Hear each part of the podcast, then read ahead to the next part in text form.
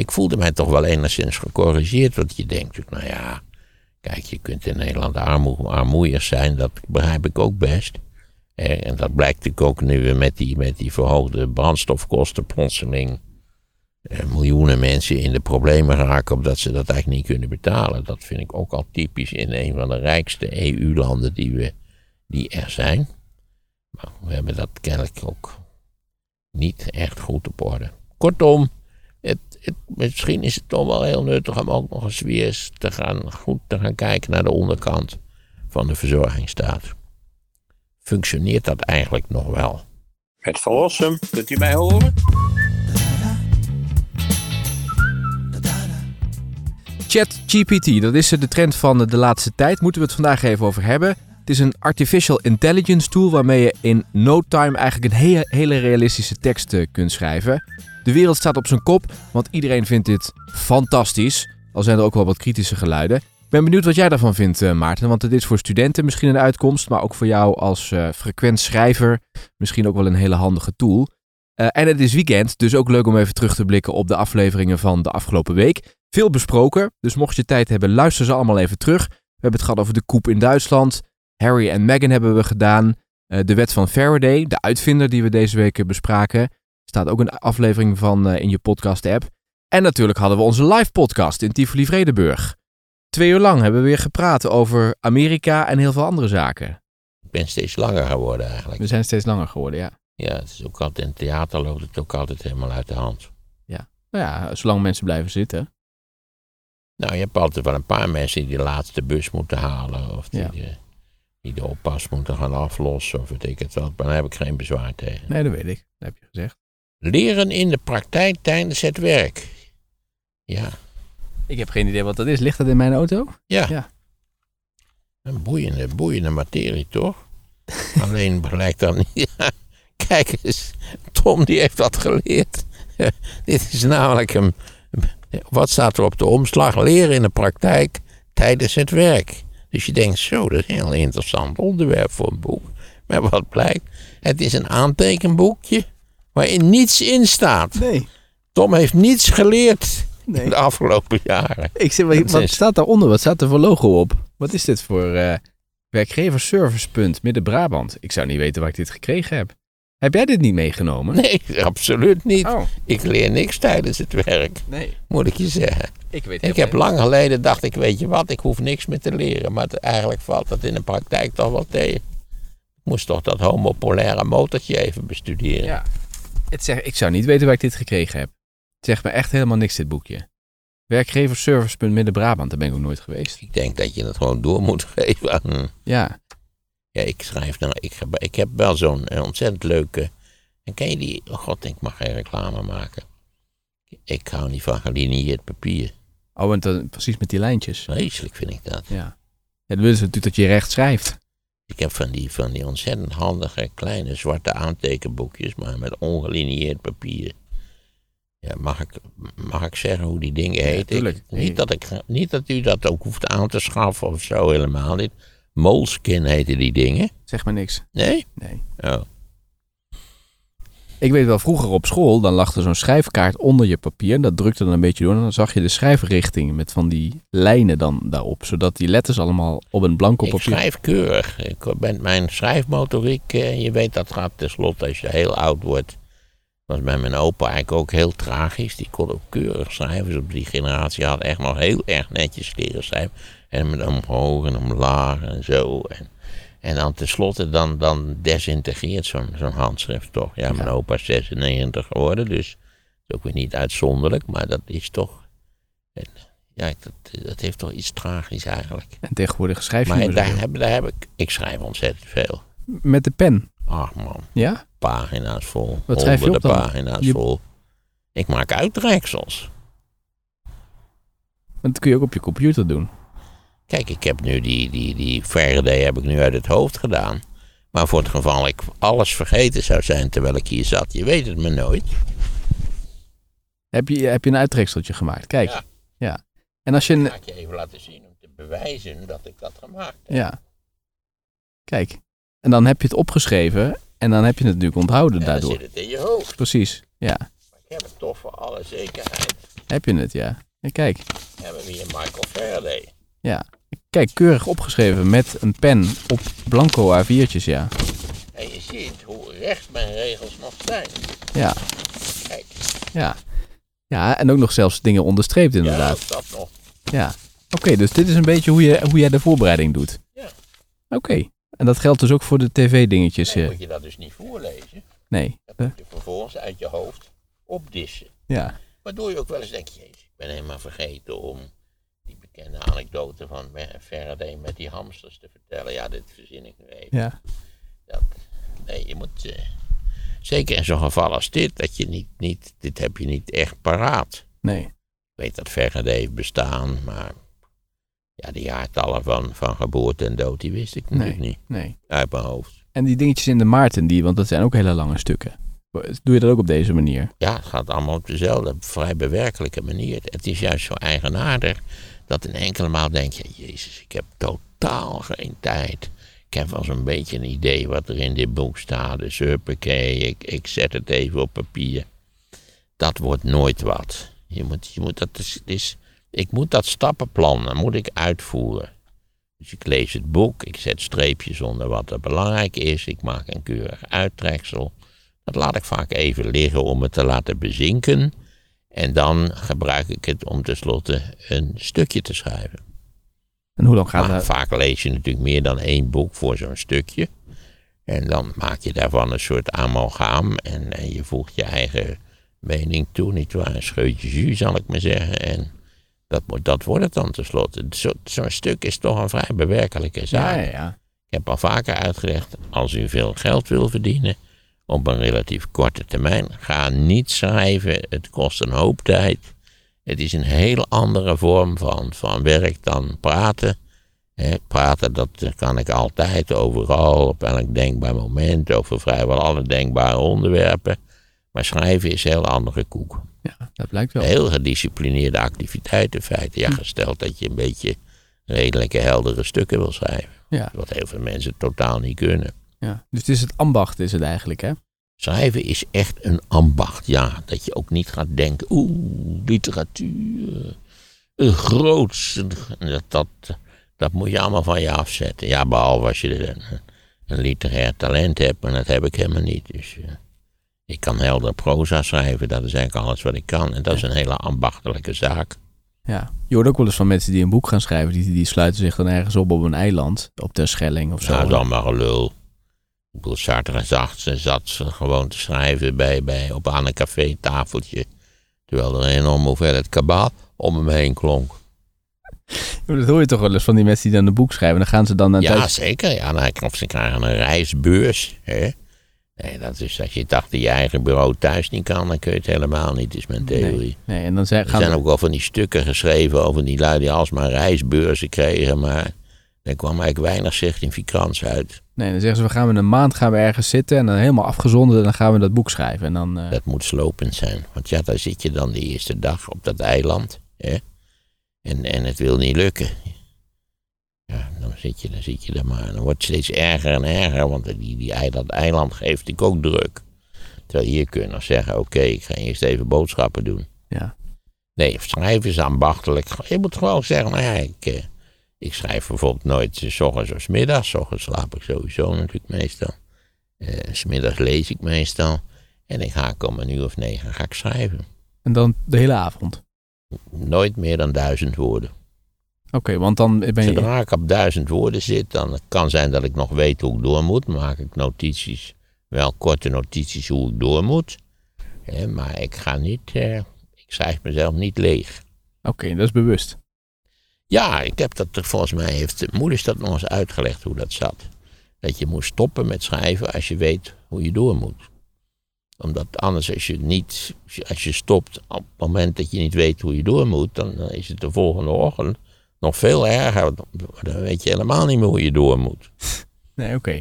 En als je nog weet hoe je door moet, dan ben je ook gemotiveerd om weer door te gaan. Omdat je... Ja, want je kunt een paar kleine notities maken. Dat je dit en dat en dat. En dat kun je ook gewoon op je scherm doen natuurlijk. Want ja, tegenwoordig schrijf ik op het scherm.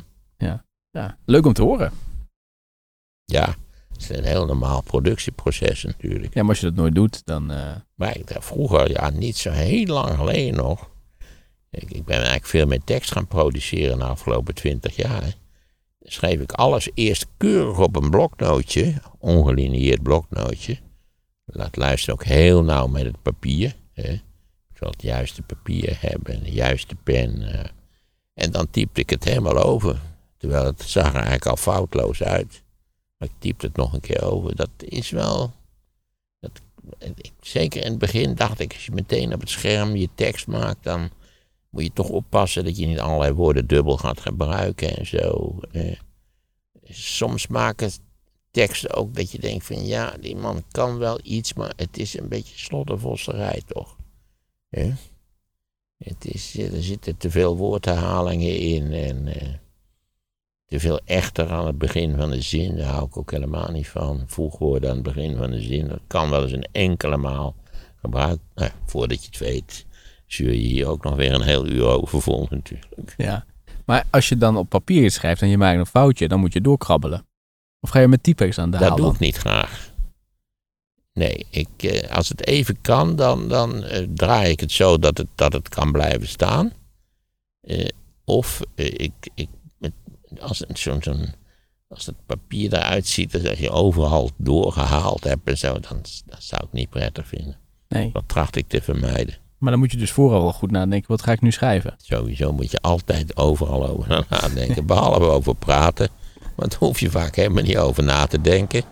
Eh, Je begint gewoon te praten en dan, eh, nou ja, gaat het vanzelf verder eigenlijk. Ja, ja. Oké. Als je, als je je althans mee laat slepen door je eigen associaties natuurlijk. Ja. Ja. Nou, misschien kan iemand die ook wel eens een boek heeft geschreven hier eens eventjes eh, zijn of haar ervaringen Ik vermoed dat mensen heel, heel verschillende. Je ontwikkelt in de loop van je leven een specifieke routine. Waarbij je je gelukkig voelt. Mijn broer bijvoorbeeld, die werkt totaal anders. Dus ten eerste eh, dronk hij volgens mij altijd een flink glas whisky voordat hij aan de slag ging. En, en mijn broer, ik, ik schrijf, als ik duizend woorden moet schrijven, stel dat het artikeltje 750 woorden is, dan schrijf ik 750 woorden. Ja, ik ga, niet, ik ga er niet 1200 schrijven. Maar ik begreep al dat mijn broer dan een enorme hoeveelheid tekst produceerde op zo'n avond. Hè, echt zo uit. eh, en, en dat hij dan de volgende ochtend, eh, niet waar, dit- misschien had hij wel eh, 2000 woorden geschreven. En dan had hij er dan 1250 woorden uit zou halen. Maar dat vind ik zonde voor de tijd. Je eerlijk dubbel werk aan het doen. Ja, maar dat, dat, het- ja, iedereen moet dat, naar mijn idee, eh, als je, als je relatief veel moet schrijven, ontdek je zelf wel wat de, wat de, wat de beste procedure is voor jou. Ja. De mijne is vrij omslachtig. Eh, Ik weet wel dat ik eh, studenten vroegen altijd, ja meneer, hoe moeten we dat dan leren? En dan zei ik altijd, nou dat is heel simpel. Je gaat dat boek ga je lezen en dan zet je streepjes onder de verschillende woorden. Ja, natuurlijk niet als het een bibliotheekboek is, dan moet je dat even anders inrichten. Even kan, koop het zelf. Moet je vast beginnen een leuk bibliotheekje op te bouwen. Eh, en dan laat je het een tijdje liggen, dan maak je een uittreksel. En dan moet je er vooral voor zorgen dat je dat uittreksel een paar keer losjes doorlezen. Dus niet gaan stampen, dat is het, dat is het stomste wat je doen kunt. En dan ruim een dag voor het tentamen hou je ermee op. En dan hoef je er alleen nog maar een beetje over na te denken. En je zult zien. En dan, ik weet, ze keken je altijd aan en dat je, je zag ze denken, ja, wij zijn gek geworden. Een uittreksel maken, laat me niet lachen. Dat uittreksel, dat leen ik wel van Piet, Joop of Klaas. Die maakt altijd uittreksels. Zonde van mijn tijd. Zeg. En dan, nee, nee, dan... nee, en, nou, kom, nou ja. Ze vonden dat eigenlijk dan wel... Met als gevolg dat je, dan, ja, dat je natuurlijk niet zulke beste cijfers haalt. Omdat je dat uittreksel niet zelf hebt gemaakt. Dus dat Precies, je dat hoofd. scheelt al enorm. Ja. Je, dan, je, hebt, je hebt ook niet gezien, je dat uittreksel niet zelf. Kijk, dat uittreksel, dat leert je vaak wat de structuur van het boek is. En dan is het boek gelezen, het is leuk of niet leuk, maar, maar als je dat uittreksel maakt, dan zie je pas, aha. Sterker nog, vaak denk je, nou, die auteur die, die heeft gelijk goud in handen gehad, maar heeft er een zootje van gemaakt. Dit boek kan veel beter in elkaar gezet worden. Dat denk ik vaak, ja. Natuurlijk ook wel een beetje hubris, maar dat denk ik vaak, ja. Ja. Dus eh, Maar daar kom je pas achter als je dus een uittreksel hebt gemaakt. ja. Want dat moet ook geordend worden. uittreksels moet je dus niet bestellen op het internet eh, of van de mensen Nee, lenen. dat is wel van, zo, van een zo gruwelijke lamlendigheid. Dat betekent dus dat je, nou ja, dat was een bekend probleem bij ons. Die studenten zeiden ja, hadden dan een boek gevonden wat ze dan wel leuk vonden, maar het is zo dik. Meneer Van Rossum, kunnen we, kan dit boek niet voor twee, voor twee eh, nummers tellen op de lijst? En nee, niks telt voor twee nummers op de lijst. Met als gevolg dat we hadden een paar van die series, waarom hele dunne boekjes, van die problemboekjes. Die waren altijd allemaal uitgeleend. Want ja, hoe dunner, hoe beter wat betreft de studenten. Ja. Niet allemaal natuurlijk, niet, de goede niet ten aangesproken. Heb je deze week niet dat eh, in het nieuws gezien dat dat dus een artificial intelligence tooltje is? En dan kun je zeggen, schrijf wat over nou, Einstein. En dan gaat die, die tool, die gaat dan automatisch een tekst produceren zonder dat je zelf maar iets hoeft te doen over Einstein. Ah, ik ben ervan overtuigd dat eh, als je een beetje een goede en kritische lezer bent, dat je erachter kunt komen dat dat niet veel zaaks is wat die en wat dat, wat dat tool oplevert. Maar nu zijn alle bedrijven zijn fantastisch dat dat kan, is de toekomst. We Nee, hoeven maar nooit er zit natuurlijk een aantal paar, hoe heet het, van die dingen in. eh, eh, eh, daar zit software in en die software zal in principe altijd ongeveer hetzelfde opleveren. Die zal niet op maandag denken, god, ik ga nu eens wat anders doen. Hè? Want dat kan hij helemaal niet, want hij heeft maar, hij heeft maar één of twee algoritmes erin zitten. Dus zegt maar maar niks. Die hele, dat hele gelul over artificial intelligence, ja, daar waar dat allang gebruikt wordt. eh, weet het, eh, automatische piloot in een vliegtuig, dat is ook artificial intelligence.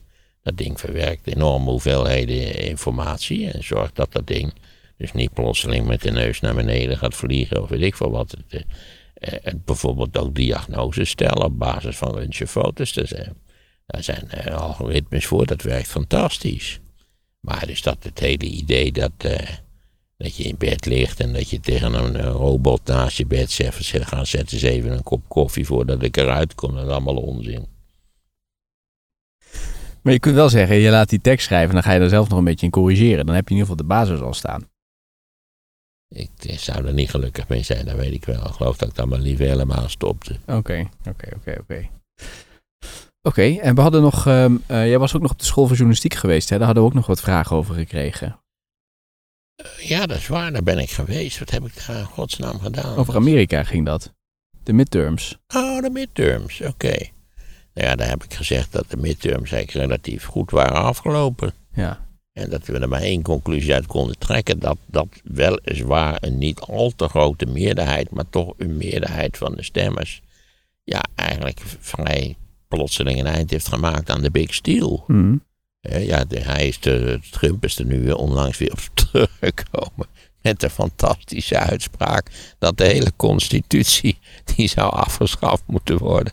Zodat hij de, de verkiezingen van 2020 alsnog zou hebben gewonnen. Ja, het is, een, het is ook weer een man van, met grote komische talenten. Hoe komt het toch dat het steeds meer, naar mijn idee, in de wereld een, een nou ja, operette, poppenkast. Ik weet niet precies hoe het noemen moet. Het werkt vaak zo enorm op mijn lachspieren. Hè? Ja, en, en mijn woede bij, bij sommige dingen. Zoals Meghan en Harry. Ja, dat is eigenlijk wel van een treurigheid, zeg. Jongen, jongen, jongen. Ja. Stelletje verwende kwezels. Beste Maarten, eh, even een korte reactie op de podcast over de energietransitie en de zonnepanelen. Het was een leuke brainstorm over het gebruik van auto's als batterij en dat zal zeker werken op korte termijn, namelijk binnen 24 uur. Over een eh, jaar genomen werkt het namelijk niet. Immers zonnepanelen die wekken in de herfst en de winter geen eh, nauwelijks elektriciteit op, zegt Pieter Hoek. Ja, dat, het is veel en veel minder natuurlijk dan in de zonnige maanden. Maar het, het levert nog steeds een beperkte hoeveelheid energie op. Dan in de mooie reeks van uitvindingen vroeg ik mij als Deventenaar af of Maarten nog een stukje aan de boekdrukkunst wil wijden. Van Maarten is bekend dat hij op jonge leeftijd enkel een professionele carrière voor zich zag waarbij hij die veel kon lezen. Tegenwoordig wil eh, de jeugd vooral vlogger worden. Wat vindt Maarten van het feit dat in tegenstelling tot wat de zogenaamde rages als boektok ons moeten doen geloven, statistisch blijkt dat laaggeletterdheid een steeds groter probleem wordt onder jongvolwassenen. Hoe krijgen we de jeugd weer aan het lezen? Wil Menno weten. Ja, hoe doen we dat? Ik heb geen flauw idee. Je moet, ze moeten dan maar lezen op de, op de telefoon. En ze- Aangezien ze geen afscheid van de telefoon willen. Jij zit nu gewoon te lezen van de telefoon, dat kan. Ja, anders moet ik het uitprinten. Dat is slecht voor het milieu. Ik, ik, eh, ik vind het zelf belachelijk kleine lettertjes. Ik Ja. lees niet graag van de telefoon. Maar het kan. Het is, eh, het is geen groot probleem. Je kunt met de leesbril eh, kun je, eh, kun je heel behoorlijk lezen. Ik lees altijd digitaal, dus dat, dat hoeft geen belemmering te zijn om. Die mensen die dan zo romantisch doen van ja, ik wil een boek in mijn hand hebben. Moet dan ruiken, het oude papier en zo. En dat, dat vind ik al een beetje. Ik kan me best voorstellen dat, je, dat een boek leuk is. Maar voor mij hoeft dat niet. Tekst is tekst. Hè. Of dat nou op een scherm staat of op uh, hoe dan ook. Op een rol wc-papier. Er zit ook altijd tekst op. In allerlei talen. Kennelijk een internationaal product. Um, dat. Uh, ik zou niet weten hoe je mensen. Kijk, laten we één ding niet vergeten. Het hele romantische idee dat er vroeger enorm veel gelezen werd. Toen mensen dus niet naar de televisie konden kijken, is een illusie zaten ze te klaverjassen of ze zaten te pitten achter de kachel. Eh, het idee dat dus vroeger iedereen de hele dag Tolstoy en Proust zat te lezen, dat is gewoon flauwekul, eerste klas. Het lezen van, van uh, serieuze literatuur of iets lastige boeken is natuurlijk altijd een betrekkelijk elitaire aangelegenheid geweest. Hoewel, je ziet, Faraday is een klassiek voorbeeld van iemand die nauwelijks scholing had genoten en die doorlezen, omdat hij bij een boekbinder was gaan werken, niet waar, niet waar, ontdekte dat hij, dat hij natuurlijk een helder hoofd had. En bovendien nogal een creatief helder hoofd. En zodoende een wereldberoemde uitvinder is geworden, terwijl hij, eh, maar ja, waarschijnlijk nauwelijks lagere school had, oorspronkelijk. Wij zijn natuurlijk geneigd om de betekenis van, van opleiding en, en mooie cijfers te overschatten. Einstein was ook bij mijn weten geen groot licht op de middelbare school. Dromerig, zat aan andere dingen te denken, en daar gaan ze me door. Eh, Nee, het, het, het, gaat meer om het creatieve brein natuurlijk, wat je hebben moet. En dan komt het er vanzelf wel uit. Ja, dat veel mensen dus eh, last hebben van, van uh, de facto analfabetisme. Dat ik dus weinig. Ik, ik, mijn indruk is dat dat, dat het niet zo wezenlijk veranderd is eh, vergeleken met, weet ik het, 40, 50, 60 jaar geleden dat onze scholen zo ernstig tekortschieten. Dat, dat is hè, dat wij op al die internationale lijsten zakken en zakken en zakken. Ja, dat, dat zou wel serieus onderzocht moeten worden wat daar de diepere oorzaken van zijn. Ja, ik zeg altijd kringgesprek, maar dat is natuurlijk ook een beetje kinderachtig. En er moet meer aan de hand zijn. Het moet ook liggen aan het niveau, het opleidingsniveau van de leerkrachten. Het moet, moet allerlei oorzaken hebben, maar ik vind wel dat, we, dat het wel een heel serieus probleem is, ja. Dat je op die lijsten steeds zakt en zakt en zakt. Ik moet trouwens nog iets zeggen over. Ik had laatst iets gezegd van. Eh, als je in Nederland hongerig, honger, honger hebt. Dan moet je zelf iets verkeerd hebben gedaan. En er werd bij een van die eh, reacties werd daar gezegd van. Nou ja, die man die gaf les op een lagere school. in de achterstandswijk in Rotterdam. En die zei: ja, daar komen massa's kinderen die komen s ochtends naar school terwijl ze dus niets gegeten hebben. Ze een honger hebben, maar in ieder geval hebben ze niet behoorlijk ontbeten. En ik moet zeggen, als er mensen in Nederland honger hebben in achterstandswijken, als dat in feite gerelateerd is aan een armoedeprobleem, nou ja, dan vind ik dat eigenlijk schandalig. Dan vind ik dat ook een tekortschieten van de Nederlandse overheid. En die zou daar dan toch op een. Dan, dat betekent toch dat je, je verzorgingsstaat zodanig verrafeld is dat, dat, je, dat je in armoedegebieden kennelijk in Nederland honger kunt lijden. Ik moet zeggen, ik vind dat, eh, als dat werk zo is, dan vind ik dat schokkend. Die mensen kunnen toch naar de voedselbank? Nou ja, dat weet ik niet precies. Kunnen ze, kunnen ze altijd onbeperkt, kan iedereen onbeperkt naar de voedselbank die Als je zo'n situatie geen geld voor eten heeft? Denk ik wel, daar is de voedselbank toch voor? Nou, nou ja, ik zou dat dan wel eens precies uitgezocht in. Is het zo dat in achterstandswijken in Nederland, ik vermoed dat dit Rotterdam geweest is, ben, weet niet meer, eh, mensen daar, kinderen daadwerkelijk honger lijden, om, omdat, om wat voor reden dan ook hun ouders niet voor voldoende voedsel zorgen. Dat zou ik wel graag willen weten, ja. Hmm. Ik voelde mij toch wel enigszins gecorrigeerd, want je denkt nou ja, kijk, je kunt in Nederland armoe, armoeier zijn, dat begrijp ik ook best. En dat blijkt natuurlijk ook nu weer met die, met die verhoogde brandstofkosten plotseling.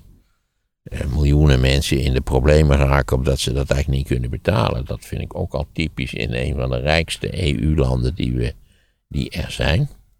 Maar we hebben dat kennelijk ook niet echt goed op orde. Kortom, het, het, misschien is het toch wel heel nuttig om ook nog eens weer te gaan, goed te gaan kijken naar de onderkant van de verzorgingsstaat. Functioneert dat eigenlijk nog wel? Een andere vraag, beste Maarten. Naar aanleiding van de interessante podcast eh, en het idee om eh, iets over de VVD te gaan vertellen, is het misschien een idee om de geschiedenis van het liberalisme mee te nemen. Oh. Want wat is het liberalisme? Ja, dat kun je wel zeggen. Wat is het liberalisme? En, het liberalisme is van alles en nog wat. Ja, en hij zegt ook van, uh, en heeft het niet zoals de godlegger Lokke beschreef in zijn proviso, een inherent sociaal element, zegt de Wessel Groenewegen. Ja, naar mijn idee heeft het een inherent sociaal element. Dat wil zeggen, ik heb altijd gezegd dat een liberalisme zonder een sociale dimensie is helemaal geen liberalisme. Net zo goed als een democratie zonder een sociale dimensie geen democratie is. Dat, dat is zo klaar als een klontje. Democratie en, en een serieus. Ik zie mezelf als liberaal, maar wel als sociaal bewuste liberaal. En niet als een typische VVD-liberaal.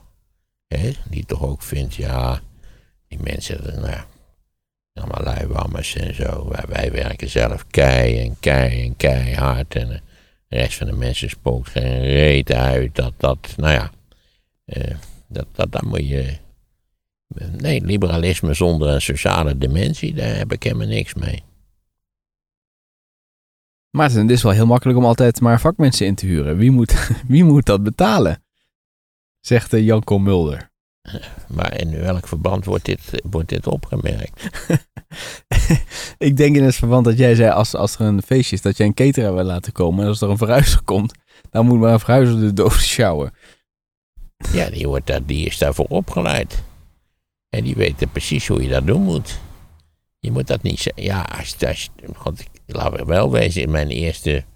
Ik weet niet hoe vaak ik niet verhuisd ben in mijn studententijd, eindeloos. Ja, dan laadde je alles in een bakfiets en dan reed je dus 17 straten verder en dan laadde je de boel weer uit. Maar als je natuurlijk een, een, een, heel, een heel huis vol rommel moet verhuizen. Ik ben nog naar Mainz verhuisd, waar ik een jaar in een onderzoeksinstituut heb gewerkt. En ik kon met, wij konden alles wat we in deze wereld bezaten, kon in een Volkswagen busje. Dus dan voel je wel, dat was niet veel wat wij bezaten. Heb je dan niet gewoon te veel rommel? Ja, ik heb veel te veel rommel ik schat toch dat wij, wij wonen nu natuurlijk al ruim 40 jaar in dat huis. En dat accumuleert en dat accumuleert. De tonnen, we hebben tonnen rommel. Ja, het is maar wat je rommel doet. Maar waarom ruim je het niet op? Omdat je naarmate het, de ouderdom toeneemt, dat je geleidelijk aan word je, word je, word je, begin je te denken, ik heb daar niet zo'n zin in. Dat gaat wel heel erg veel moeite kosten. Ik heb er eigenlijk totaal geen last van, van die rommel, 0,0. Ja, er ligt hier en daar rommel, maar het, huis is zo groot dat je je nog normaal vrij kunt bewegen. Het is ook een soort moedeloosheid van de ouderdom. Hè?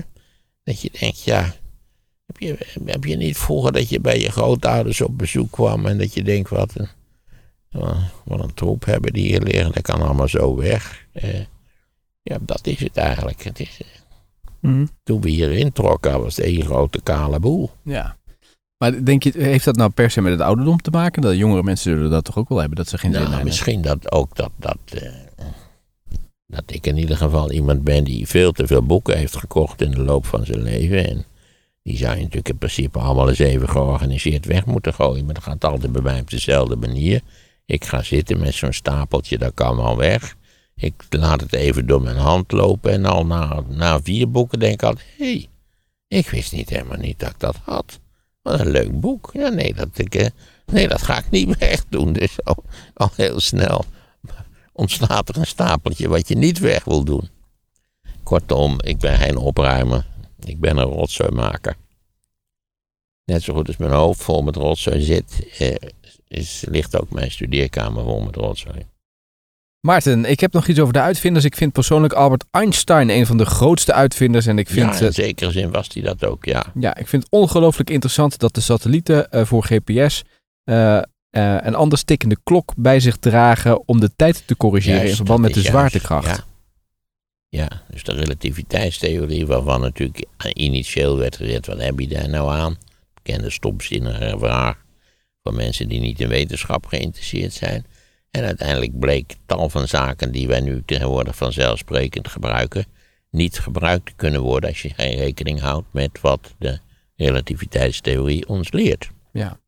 En deze Thijs Boeren die zegt daarover van het is interessant dat ze dus die klok bij zich dragen om de tijd te corrigeren in verband met de zwaartekracht. Die geldt op die afstand ten opzichte van de aarde en daardoor ook de afbuiging van de tijd met zich meedraagt.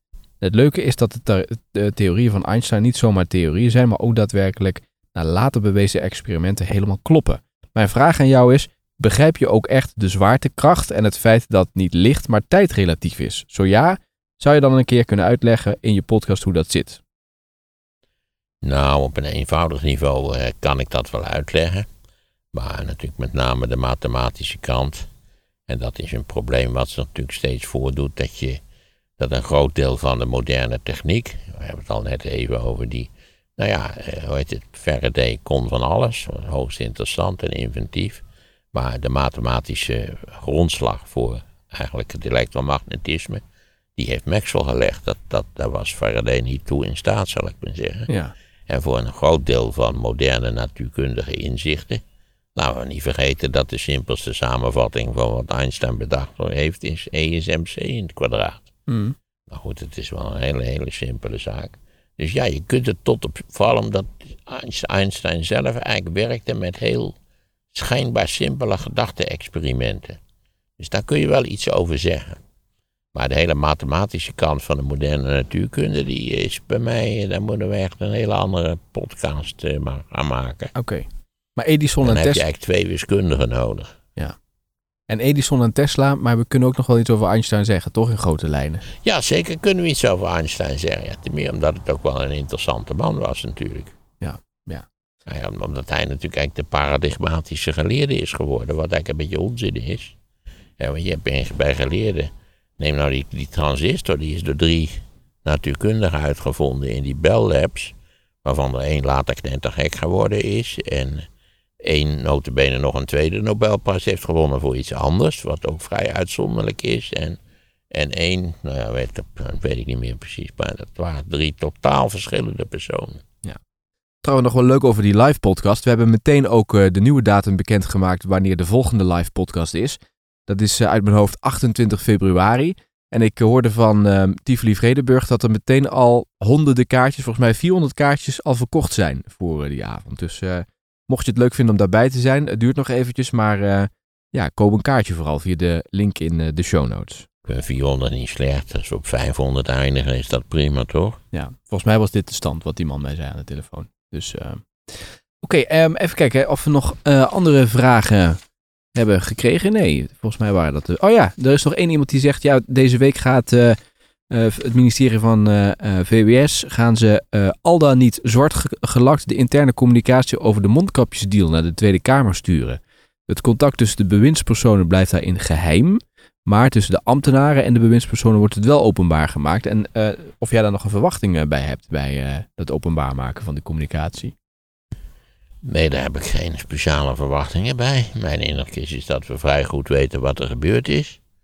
Eh, dat, dat de minister eh, in, eh, in strijd met de aanbevelingen van zijn medewerkers op dat idiote ding van de Sievert is ingegaan.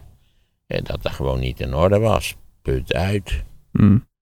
En, ja, dan kun je nog zeggen, ja, het was een spannende tijd en mensen stonden onder druk en ik weet al niet wat, maar dat hier toch, laten we zeggen, politieke beïnvloeding op de grens van corruptie een rol heeft gespeeld, dat lijkt mij eigenlijk vrij evident. Ik heb nou toevallig dat boek niet gelezen van Follow the Money over, over Siewert, maar dat het niet, niet kosher was, dat lijkt me duidelijk. Ja. En Rutte die zou ook tijdens eh, die periode de eh, sms'jes aan de Jong hebben verwijderd. Daar is nog ook veel over te doen. Dat blijkt, blijft dus ook nog geheim voorlopig. Nou ja, goed, dus die Siewert heeft gewoon ja, de boel toch wel onder druk gezet. En die was toen, toen stond hij op de lijst voor het CDA-Kamerlidmaatschap, als ik het me goed herinner. Klopt, ja. Had hij meegeschreven aan het CDA-programma. Dus ja, dat, dat dit niet in de haak was, lijkt me duidelijk. Hmm. Dat hij vrij welbewust ook, ook de media manipulatief heeft ingezet. Zo van, ga nog eens even bij, weet ik wat voor talkshow zitten.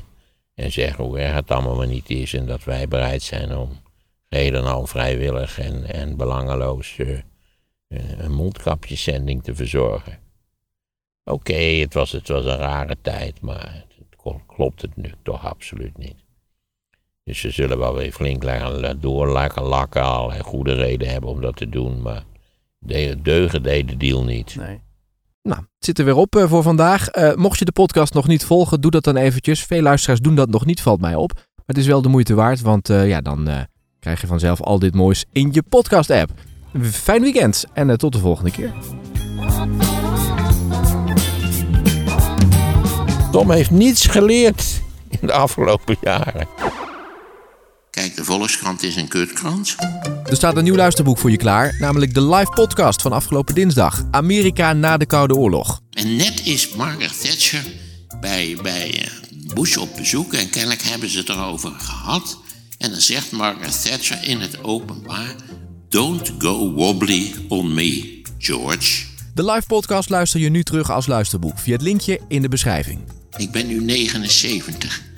Denkt u dat ik, dat ik het vertrek van Rutte nog ga meemaken?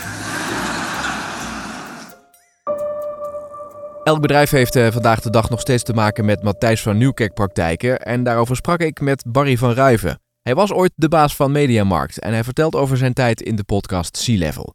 Ben je benieuwd? Luister dan via het linkje in de beschrijving.